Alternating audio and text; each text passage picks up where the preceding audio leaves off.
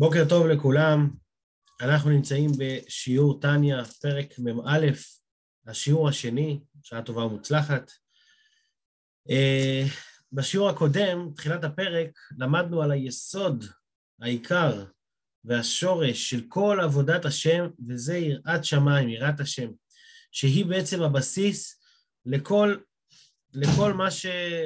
לכל מה שאחר כך, זאת אומרת, אהבת השם, אה, התבוננות, כל הדברים האלה, הכל זה אה, נגזרות של העניין של יראת שמיים. אה, בגדול, מה שאדמו"ר הזקן דיבר עד עכשיו, זה שהוא אמר שהחשיבות של היראה, כמו שגם הסברנו בשיעור הקודם, שהחשיבות של היראה היא שמה המר, מה המרכז, כשמדברים על יראת השם, מה המרכז? המרכז הוא לא האדם, הוא לא מה אני אוהב, מה אני רוצה, אלא המרכז הוא מה הקדוש ברוך הוא רוצה. מה, מה, בעצם, מה בעצם אלוקים רוצה ממני? והביטוי של זה יהיה כש, כשבן אדם יבוא לדילמה בין משהו שזה הרגשות שלו, שזה הרצונות שלו, לבין אה, משהו שצריך פשוט לעשות מה שאלוקים רוצה. אז ברגע שיש לך יראת שמיים, אתה תעשה מה שאלוקים רוצה. עכשיו, יש פה כמה הדגשות שרציתי להגיד בשיעור הקודם ולא הספקתי להגיד אותם. דגש ראשון, זה שהרבה פעמים אנשים חושבים שמה זה יראת שמיים? יראת שמיים זה שאני מדקדק בכל פרט. אני יושב על החוקים וכמה זה, במילים אחרות, יש אנשים שחושבים שיראת שמיים זה לסמן וי כל החיים. סימנתי את הוי הזה, עשיתי את הוי הזה, האם אני, האם אני בסדר מבחינת, ה, מבחינת ההלכה, מבחינת הווים, הכל טוב איתי? אז הם אומרים, זה יראת שמיים. זה נקרא ביידיש, קוראים לזה פרומקייט. ולפי מה שהאדמו"ר הזה כן מבאר בפרק יום א', יראת שמיים אמיתית זה לא רק על לסמן וי, ברור שזה לא... שיראת שמיים אומרת שצריך לעשות את כל מה שצריך, ברור. אבל זה לא רק על לסמן וי, אלא יראת שמיים זה התבוננות בגדלות השם. לראות כמה שהקדוש ברוך הוא, הוא ממלא כל עלמין, סובב כל עלמין, כל הדברים האלה, זה, זה יראת שמיים. להבין את הגדלות ולא לפחד שהשמיים יפלו עליי, אלא שזה... זה נקודה, נקודה ראשונה. עוד נקודה, אנשים חושבים שמי שירא שמיים חייב להיות אדם מכווץ כזה, עצוב, איך אפשר להיות בשמחה? אני כל הזמן מפחד, ש... איך אני יכול לשמוח שאלוקים ככה מסתכל עליי כל רגע? ולפי מה שלמדנו בשיעור הקודם, יראת שמיים לא סותרת בכלל לשמחה. אדרבה, מי שבאמת יש לו יראת שמיים, שהוא מתבונן בגדלות השם, והוא מבין שהנה השם ניצב עליו, ומלוא כל הארץ כבודו, הוא מביט עליו, הוא בוחן כליות ולב עם עובדו כראוי, זאת אומרת, יש לי את, ה, את הזכות להיות עבד של הקדוש ברוך הוא, להיות עבד השם. והזכות הזאת היא ממלאת את האדם בשמחה. הוא צריך להיות בשמחה על כך שדווקא הקדוש ברוך הוא מניח עליונים ותחתונים, הוא מייחד מלכותו, כמו שקראנו בשיעור הקודם, מייחד מלכותו על עמו ישראל בכלל, ועליו בפרט. זאת אומרת, הוא עוזב את הכל בשבילי, כי חייב אדם לומר, בשבילי נברא העולם. אז זה, זה נקודה שנייה שחשוב להבין, שיראת שמיים אמיתית היא לא סותרת לשמחה, הפוך, היא ממלאת את האדם, ממלאה את האדם בשמחה גדולה על הזכות להיות, להיות, אה, אה, להיות עבד של השם, להיות זה שהקדוש ברוך הוא בוחר בו לעבוד אותו. ונקודה שלישית, שהיא גם קשורה לסיום השיעור הקודם, זה כל הנושא של ההתבוננות. זאת אומרת, אמרנו את זה במילה אחת, אני רוצה להגיד את זה במילה, במילה קצרה היום גם, שברוב הפרקים בתניא אנחנו דיברנו הרבה על, ה, על, על להבין דברים, כן? להבין חוכמה, בינה, דעת, שזה ההבנה. צריך להבין כל דבר, זה ברור. אבל יש הבדל גדול בין הבנה לבין התבוננות. מה ההבדל בין הבנה להתבוננות? שהבנה זה שאני מבין, אני משכיל, אבל אני והשכל זה שתי דברים שונים. כל המטרה בהתבוננות זה להוריד את ההשכלות שלמדנו ולהוריד אותם לעולם שלנו. להתבונן מה זה אומר לי, איך זה מדבר אליי, מה זה תכלס בשבילי. ולכן התבוננות היא לא חייבת להיות השכלה של דברים חדשים. מה שהבנתי אתמול, אני חייב להתבונן בו שוב היום. התבוננות זה ללעוס מחדש, זה לחיות את הדברים מחדש כדי שהם יגרמו לי אה, אה, לעשות את מה שצריך וגם לעורר את הרגשות הנכונים. ולכן, ולכן המסקנה מהשיעור הקודם זה שכל יום, כל, כל בוקר, אדם צריך לפתוח את הבוקר בהתבוננות הזאת לפני שהוא מתחיל את הכל, לפני שהוא מתחיל תפילה, לפני שהוא מתחיל את ה... את ה לפני שהוא בא לקיים מצווה, תתבונן איך שהקדוש ברוך הוא מניח את כל העולמות העליונים, הקדוש ברוך הוא הגדול הזה, כן, מלכותו, מלכות כל עולמים, מלידו ותחתונים, כל אריכות הביאור בשיעור הקודם, הוא עוזב את הכל בשבילך, ו, ו, וברור שאתה צריך לבטל את, ה, את הרצון שלך, לכן צריך יראת שמיים, יראה, לפחות יראת התאה, יראה נמוכה, שגורמת לאדם לבצע מה שצריך. ו, וזה ההתבוננות הראשונה בפרק מ"א. עכשיו, בפרק שלנו היום, אנחנו עולים שלב, ואנחנו עוברים למדרגה של בעצם מיראת, מההתבוננות הכללית, שהקדוש ברוך הוא עוזב את הכל בשבילי, אנחנו עוברים להתבוננויות פרטיות. זאת אומרת, יש, בגדול יש לנו שלושה סוגי התבוננויות, שלושה סוגי התבוננויות. התבוננות אחת זה מה שלמדנו אתמול, זה ההתבוננות הכללית שהקדוש ברוך הוא, הוא שליט על העולם, אבל הוא מפנה את הכל בשבילי. והיום נלמד על עוד שתי התבוננויות, שזה ההתבוננות כללית במצוות, שהקדוש ברוך הוא שורה במצוות, והתבוננות פרטית בכל מצווה ומצווה. אז בואו נשתף כאן את המסך, ונצא לדרך עם השיעור של היום. אוקיי, אנחנו נמצאים כאן וגם מתבונן בשורה פה, רגע, זה לא בונה לי. שנייה אחת. אנחנו נמצאים וגם מתבונן. רואים את זה בתחיל, בתחיל, למעלה. מקווה שזה מספיק גדול. אוקיי. וגם מתבונן, אחרי שהוא התבונן בהתבוננות הראשונה הכללית, גם מתבונן איך שאור אינסוף ברוך הוא, הסובב כל עלמין וממלא כל עלמין, הוא רצון העליון, הוא מלובש באותיות וחוכמת התורה, או בציצית ותפיליננו. זאת אומרת, לא רק שהקדוש ברוך הוא נמצא עליי באופן כללי, שזה אדם צריך בכל רגע להתבונן ולהחיות אצלו מחדש. אז לא רק, לא רק זה, אלא הרצון של הקדוש ברוך הוא נמצא איפה? במצווה, בלימוד, שאותו אני הולך ללמוד או, או, או לקיים. אז הוא מלובש באותיות חוכמת התורה ובציצית ותפיליננו, ובקריאתו או בלבישתו, זאת אומרת, כשאני קורא בלימוד התורה, או כשאני לובש את הציצית או את התפילין, הוא ממשיך אורו יתברך עליו. זאת אומרת, את האור, האור הזה של הקדוש ברוך הוא שאמרנו שהוא, שהוא נמצא כל הזמן פה, אני, אני ממשיך את זה עליי באופן פרטי על ידי קיום המצווה. דהיינו, על חלק אלוקה ממעל שבתוך גופו. הרי לכל אחד מאיתנו יש נשמה, נפש אלוקית שנמצאת בתוך הגוף שלנו, וכשאדם מקיים מצווה הוא זוכה להמשיך על הנשמה שלו את אותו אור גדול של הקדוש ברוך הוא האינסופי, הרצון העליון. ומה זה גורם לנשמה? ומה זה גורם לנשמה? להיכלל ולהיבטל באורו יתברך. זה גורם לנשמה לרצות, כמו שאמרנו בעבר, אמרנו שהנשמה קרויה נר, נר השם נשמת אדם, וכמו שהנר שואף כל הזמן לעלות למעלה, הוא רוצה, ומה יקרה לו כשהוא יעלה למעלה? הוא בסך הכל ייבטל וייכלל בגלגל האש, מה שנקרא, זאת אומרת, לא יהיה לו שום מציאות מעצמו. זה מה שקורה בשעת קיום מצווה, שהנשמה רוצה להיכלל ולהיבטל, היא רוצה לכלול את עצמה בקדושה, וממילא לא יהיה לה שום מציאות, אלא היא תתבטל לגמרי באורו יתברך. אז זה הסוג התבוננות השני, להבין לפני כל מצווה, שבמצווה הזאת שאני הולך לקיים, הקדוש ברוך הוא הולך לשרות עליי. אבל זה עדיין התבוננות כללית. למה זה התבוננות כללית? כי לא מדובר פה על מצווה ספציפית שאתה אני הולך לקיים. מדובר פה באופן כללי על כל מצווה, זה יכול להיות, כמו שהוא אמר, זה יכול להיות לימוד תורה, זה יכול להיות אה, ציצית ותפילין, זה יכול להיות הכל.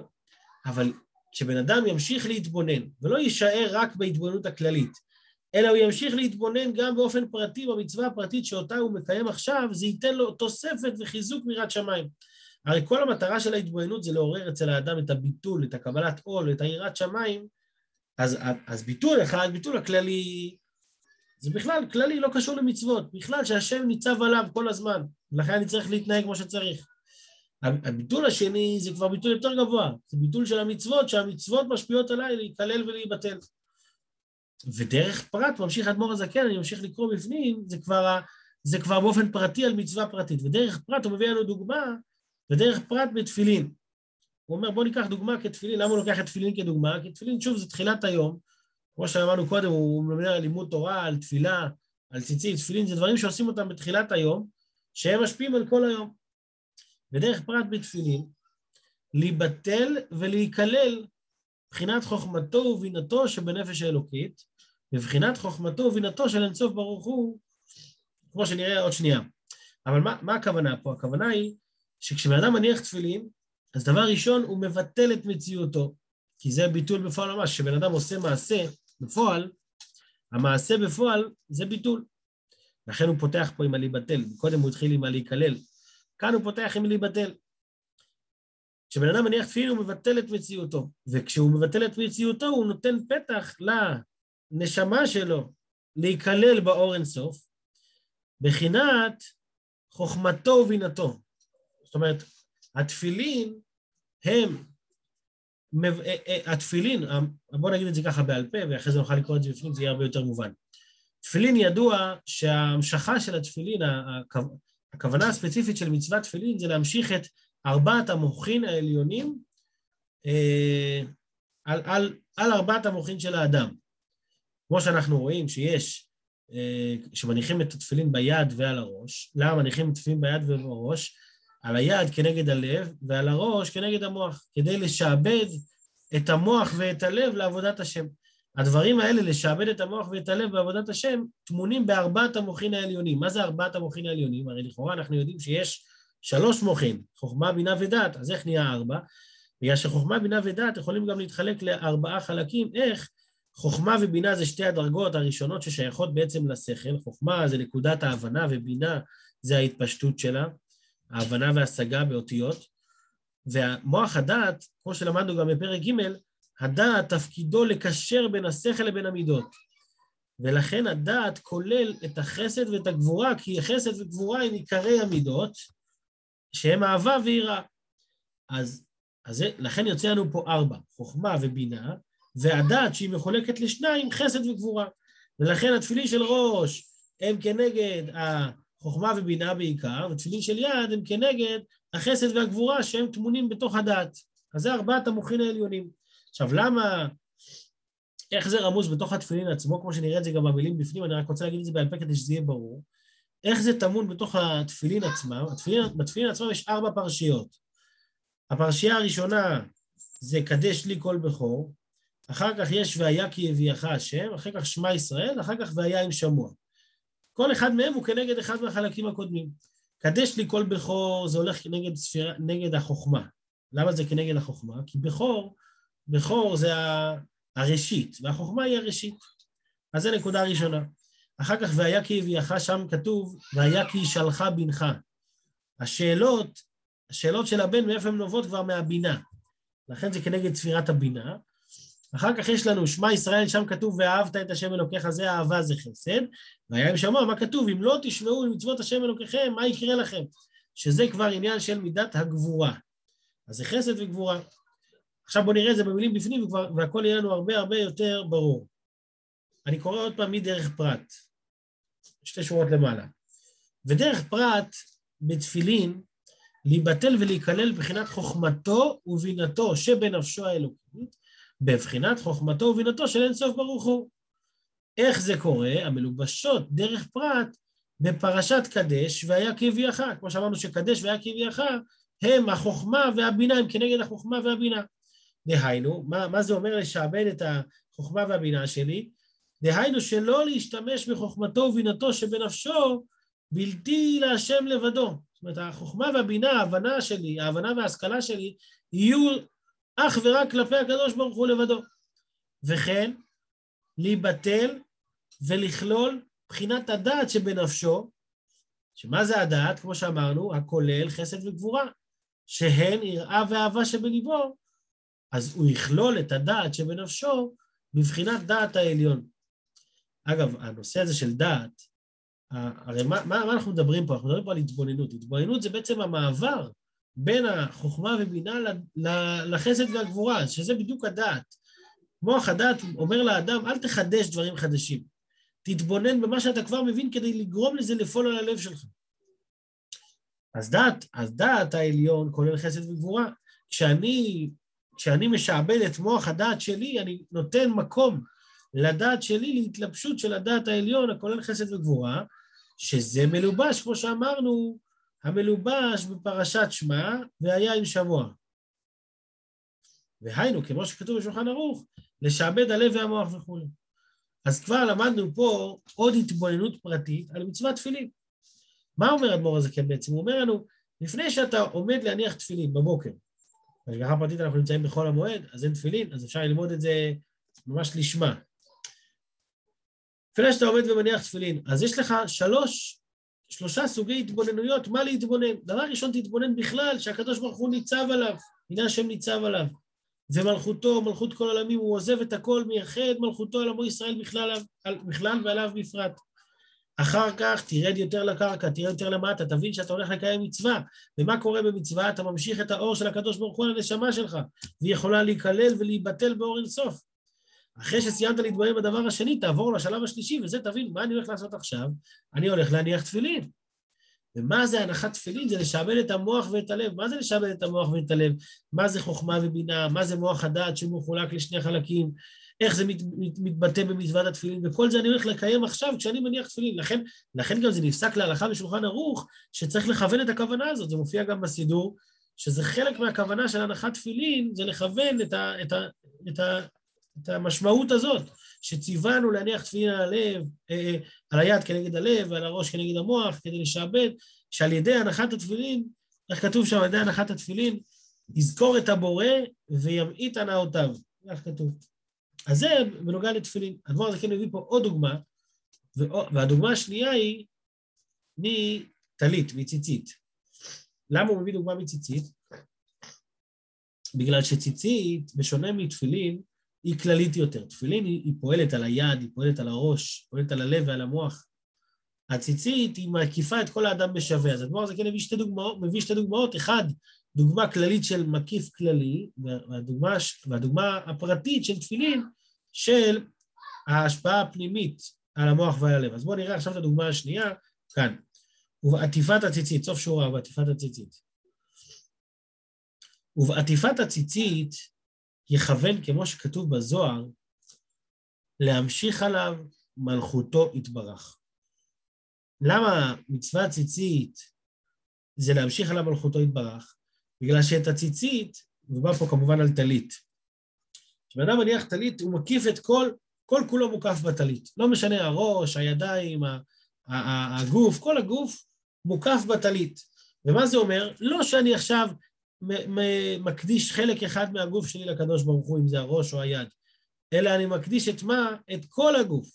אני, אני, ולכן, לכן, מה הכוונה שאומר הזוהר שצריכים לכוון בעטיפת הטלית? להמשיך מלכותו, זה לקבל, זה לקבל את העול מלכות של הקדוש ברוך הוא. אשר היא מלכות כל עולמים וכולי, ליחדה עלינו על ידי מצווה זו. והוא כעניין שום תשים עליך מלך. למה הוא מדגיש פה שזה שום תשים עליך מלך? כי בגדול דיברנו בכללי שיש התבוננות, שההתבוננות הראשונה היא כבר ההתבוננות הזאת של, של והנה השם ניצב עליו, שהקדוש ברוך הוא עליי ו, ו, ו, והוא מייחד מלכותו עליי, אז מה מיוחד במצוות, במצווה של ציצית, במצוות עלית? שבציצית אדם צריך לכוון שכל הדברים הגדולים האלה, אני שם עליי למלך. מה זאת אומרת שאני שם עליי למלך? שבן אדם לפעמים יודע שיש מלך, שהמלך הוא קיים, אבל השאלה האם זה נוגע לי, זה פחות נוגע לי. כשאני יודע שהמלך הזה הוא מלך שלי, שאני מקבל עליי מלכותו, באותו רגע אני פועל על עצמי כבר משהו אחר לגמרי. לכן נמשיך באדמו"ר הזקן בפנים ואומר, ואזי, אף אם בכל זאת לא תיפול עליו אימה ופחד בהתגלות ליבו, יכול להיות אחד כזה שעושה את הכל, יתבונן את ההתבוננות הראשונה, ההתבוננות השנייה, ההתבוננות השלישית, והוא לא מרגיש עדיין פחד בלב. זה עדיין לא, זה לא פועל עליו מה שהוא חושב שאמור להיות יראת שמיים בדרגה הכי חזקה שלה. אומר אדמו"ר הזקן, נכון שאתה לא מרגיש, אבל מכל מקום, אני ממשיך פה לקרוא, מכל מקום, מאחר שמקבל עליו מלכות שמיים, זאת אומרת, אתה, אתה קיבלת על עצמך, כמו שום תשים עליך מלך, הוא ממשיך על אווירתו יתברך, בהתגלות מחשבתו ורצונו שבמוחו, לפחות במוח זה נמצא שם ברמה הכי חזקה, וקבלה זו, זה שאתה מקבל את הקדוש ברוך הוא למלך, היא אמיתית בלי שום ספק. למה היא אמיתית? הרי אני לא מרגיש, אז איך אני יודע שזה אמיתי? שזה הדבר הזה כן מחזיר אותנו למה זה אמיתי? כי זה חלק מהנשמה שלך. זה לא משהו שאתה יכול לבטל ולהוציא אותו מהנשמה שלך. זה חלק ממך, זה בילד אין בבן אדם, בין אם תרצה בין אם לא. ביהודי כמובן, כי יש לו אהבה מסותרת ויש לו יראה מסותרת.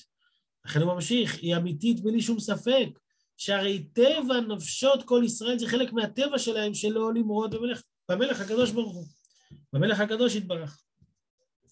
אז אפילו שזה לא בא בבעירה של יראת שמיים, של פחד אה, מורגש בלב, הרי, אני ממשיך לקרוא, הרי התורה שלומד, או המצווה שעושה, מחמת קבלה זו, ומחמת המשכת היראה שבמוחו, הן נקראות בשם עבודה שלמה. זה, זה נקרא עבודה שלמה כי האדם שילב בעצם את הטבע שלו, הטבע שלו להיות מחובר, ביחד עם המוח שלו. אז נכון, אולי זה לא הגיע ללב, למה זה לא הגיע ללב? כי חסר עדיין המעבר בין המוח ללב, אבל המוח שם, הנשמה שם, זה מאיר מתגלה, אז הכל נמצא שם. לכן זה נקרא בשם עבודה שלמה, ככל עבודת העבד לאדונו ומלכו. בוא נגיד ככה, כשעבד עובד, כשעבד עובד, אז לא, לא אומרים לו מה אתה מרגיש, מה אתה לא מרגיש. העיקר זה מה שאתה עושה. כמו שהרבי פעם אמר למישהו, שאמר לו, אני, איך אני יכול לתת צדקה? אני מרגיש שה, שאני לא נותן את זה באמת. הרבי אמר לו, האני מקבל את הכסף באמת. אז מה זה שאתה לא, לא, לא מרגיש שזה באמת? אותו דבר בעבודת השם, אתה מתבונן, אתה מתרומם, אתה מרגיש, אתה, אתה ממש יכול לחוש את הכל, אבל אתה לא מרגיש פחד בלב. אתה אומר, לא, איפה היראת שמיים? לא מרגיש את היראת שמיים. הוא אומר, היראת שמיים זה שתעשה מה שצריך. היראת שמיים זה הקבלת עול. זה שבסופו של דבר זה גורם לך לעשות את מה שצריך, במחשבה, בדיבור, במעשה. זה ככל עבודת העבד לאדוני ומלכו. מה שאין כן, אדמו"ר הזה כן מחזיר אותנו שוב לצד השני, מה שאין כן אם לומד ומקיים המצווה באהבה לבדה, אם זה רק באהבה ולא בהתבוננות הזאת של היראה, זאת אומרת זה רק מגיע מצד זה שהאדם מרגיש את החיבור, מרגיש את ה... זה אהבה, זה, אהבה זה הרגשה, זה הרגש שלו בלב. כדי לדבקה בו על ידי תורתו ומצוותיו, אינה נקראת בשם עבודת העבד. יכול להיות שזו עבודה טובה. לעבוד מאהבה זה ברור שזה עבודה. יש, כן, ואהבת את השם אלוקיך, זה חייב להיות מאהבה גם. אבל אם יש רק את האהבה ואין את הבסיס, את ה, כמו שאמרנו, הבסיס, השורש והעיקר, אין את היראה, אין את, ה, אין את העבודת עבד שבזה, שזה אומר הביטול, שזה אומר לא אני, לא האגו שלי, לא המציאות שלי, אלא מה הקדוש ברוך הוא, אז חסר פה את העיקר. אז קיימת את הכל, עשית... פה, מפה יוצא אפילו הפוך. בהתחלה אמרנו שיראת שמיים לא סותרת לשמחה, ויראת שמיים זה לא רק וי. פה הוא אומר יותר מזה אפילו. הוא אומר שאם אם, אם חסר לך את הנקודה הזאת של ההתבוננות בגדלות השם והיחס אל האדם, אז בסופו של דבר, יכול להיות שאתה עובד השם, כל... בן אדם, מסתכלים על בן אדם חיצונית ורואים אותו עובד השם. הוא נמצא שם, הוא מתלהב, הוא, הוא מתרגש, אבל מה חסר לו? חסר לו את הבסיס, את, את השורש חסר. חסר לו את הביטול, אין לו את הנקודה הזאת שהוא יוצא מעצמו. אז הכל זה באווירה, הכל זה בקדושה, הכל זה, הוא, הוא נמצא שם בכל כולו, אבל העיקר חסר מן הספר. לכן הוא אומר, אינה נקראת בשם עבודת העבד. והתורה אמרה, לא, הוא מדגיש את זה, שזה מהתורה. התורה אמרה, ועבדתם את השם אלוקיכם וגומר. מה זאת אומרת ועבדתם את השם אלוקיכם? שצריך להיות עבודה. ומה זה עבודה? עבודה זה התבטלות, זה לא הרגשות שלי. והוא מביא עוד פסוק, ואותו תעבודו, שחייב להיות פה עניין העבודה. וכמו שכתוב בזוהר, עכשיו הוא מביא פה הוכחה מהזוהר, פרשת בהר. למה הוא מציין פרשת בהר? כי יש אנשים שמרגישים שהם בהר, שהם גבוה גבוה. אבל מה, גם אותם צריך להגיד להם, אם אין לכם את העבדות עליכם, אז חסר לכם העיקר מן הספר. האדמו"ר הזה כן מצטט את הזוהר ואומר ככה, כי היי תורה, כמו השור הזה, דיהב ינעלי עול בקדמיתה, שנותנים לו קודם כל, שמים עליו עול, את ה... את ה... את, כן, את, את העול, כשור לעול, כל הכלים שעליו. למה עושים את זה? בגיל לאפקא מיני תו לעלמא. למה שמים על השור את כל, ה... את, כל... את כל מה שיש עליו, את כל הרצועות? למה?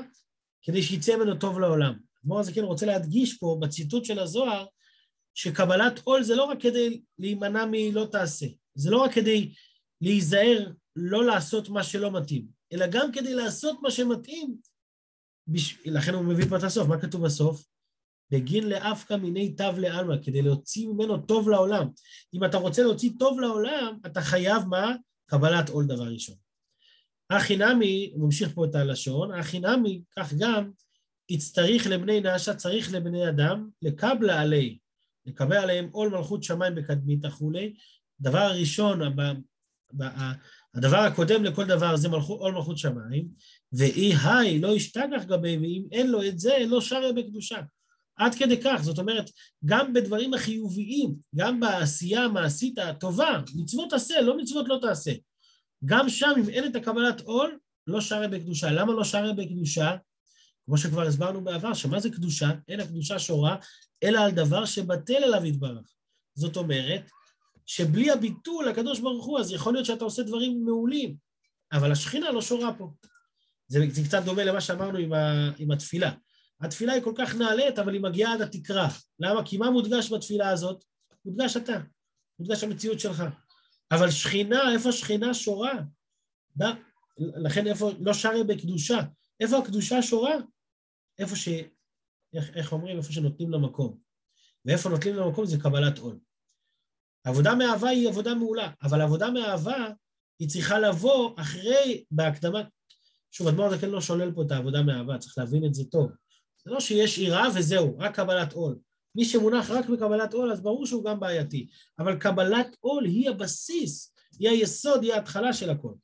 על, עליה אפשר לבנות את אהבת השם, את, ה, את היראה הגבוהה יותר, וזה מה שאדמו"ר הזקן ימשיך כאן אחרי הסוגריים, רק נקרא פה שנייה, וברא ימיהם נשם דף ק"א עמוד ב', זה חלק מהציטוט. ומה כתוב שם? שכל אדם צריך להיות בשתי בחינות ומדרגות. והן, מה זה שתי הבחינות? בחינת עבד ובחינת בן. עבד זה קבלת עול ובן זה החיבור הרגשי יותר, זה אהבה. אז שואל אדמו"ר הזקן, ואף די יש בן שהוא גם כן עבד, יכול להיות בן כזה שהאהבה שלו כל כך חזקה שהוא מניח את עצמו על הצד לגמרי. אנחנו רואים את זה שכשיש איזה משהו שנוגע לאבא, אז הבן מסיר, אה, מניח את עצמו על הצד וקופץ בשביל להציל את אביו. אז אנחנו רואים שיש בן שהדרגה שלו הוא גם כן עבד. אז, אז אפשר להגיע לדרגה של עבד בלי להתחיל ב, ביראה. אומר אדמו"ר הזקן, לא, אי אפשר, אי אפשר לבוא, אי אפשר לבוא למדרגה זו בלי קדימת היראה הילאה כידוע ליהודים. להגיע לרמה כזאת שזה בן שהוא גם עבד, שזה רמה גבוהה ונכונה, אבל היא חייבת לבוא על ידי מה? קודם כל קדימת היראה הילאה. כמו שהוא ימשיך בהמשך הפרקים, שיש לנו יראת התאה, שזו היראה הנמוכה, ועליה יש אהבה, אהבת התאווה נמוכה, מעל זה יש אהבה הילה, ולמעלה למעלה יש יראה הילה. סליחה, ואז יש יראה הילה שהיא מעל הכל. והיראה הילה הזאת יכולה להביא את האדם להיות דרגה שזה בן והוא גם עבד. זאת אומרת שהוא גם מצד אחד עובד באהבה, אבל אהבה כל כך חזקה שאין לו שום מציאות מצד עצמו. במילים האלה אדמו"ר הזקן בעצם מבהיר לנו יש מקום לאהבה, זה לא שאסור לעבוד מאהבה, אבל האהבה האמיתית חייבת להיות מושתתת על קבלת עול, כי אם היא לא תהיה מושתתת על קבלת עול, מה שיודגש בה זה רק המציאות של האדם ופחות המציאות של מה הקדוש ברוך הוא דורש ממני. אז לסיכום מה שבעצם הבנו כאן, הבנו כאן שיש לנו אה, אה, שלושה סוגי התבוננויות. התבוננות אחת זה ההתבוננות כללית והנה השם ניצב עליו. כללי, הקדוש ברוך הוא איתנו כל הזמן מייחד מלכותו עליי תמיד. התבוננות שנייה זה התבוננות כללית, שהמלכות הזאת היא מתלבשת במצוות, כל מצווה שאני עושה אני ממשיך על עצמי אור. וההתבוננות השלישית זה ההתבוננות הפרטית במצווה הזאת, אם זה תפילין שזה ארבעת המוחין, אם זה, תפיל, אם זה, אם זה אה, ציצית, שזה המשכה, המשכה מקיפית, שזה שום תשים עליך מלך, קבלת המלכות שמיים באופן פרטי, והקבלת המלכות שמיים הזאת היא חייבת להיות כ- כהקדמה לכל דבר, כי בלעדיה אין לכל הדברים, שאר הדברים, אה, ביסוס ביסוס אמיתי. אז עד כאן השיעור של היום.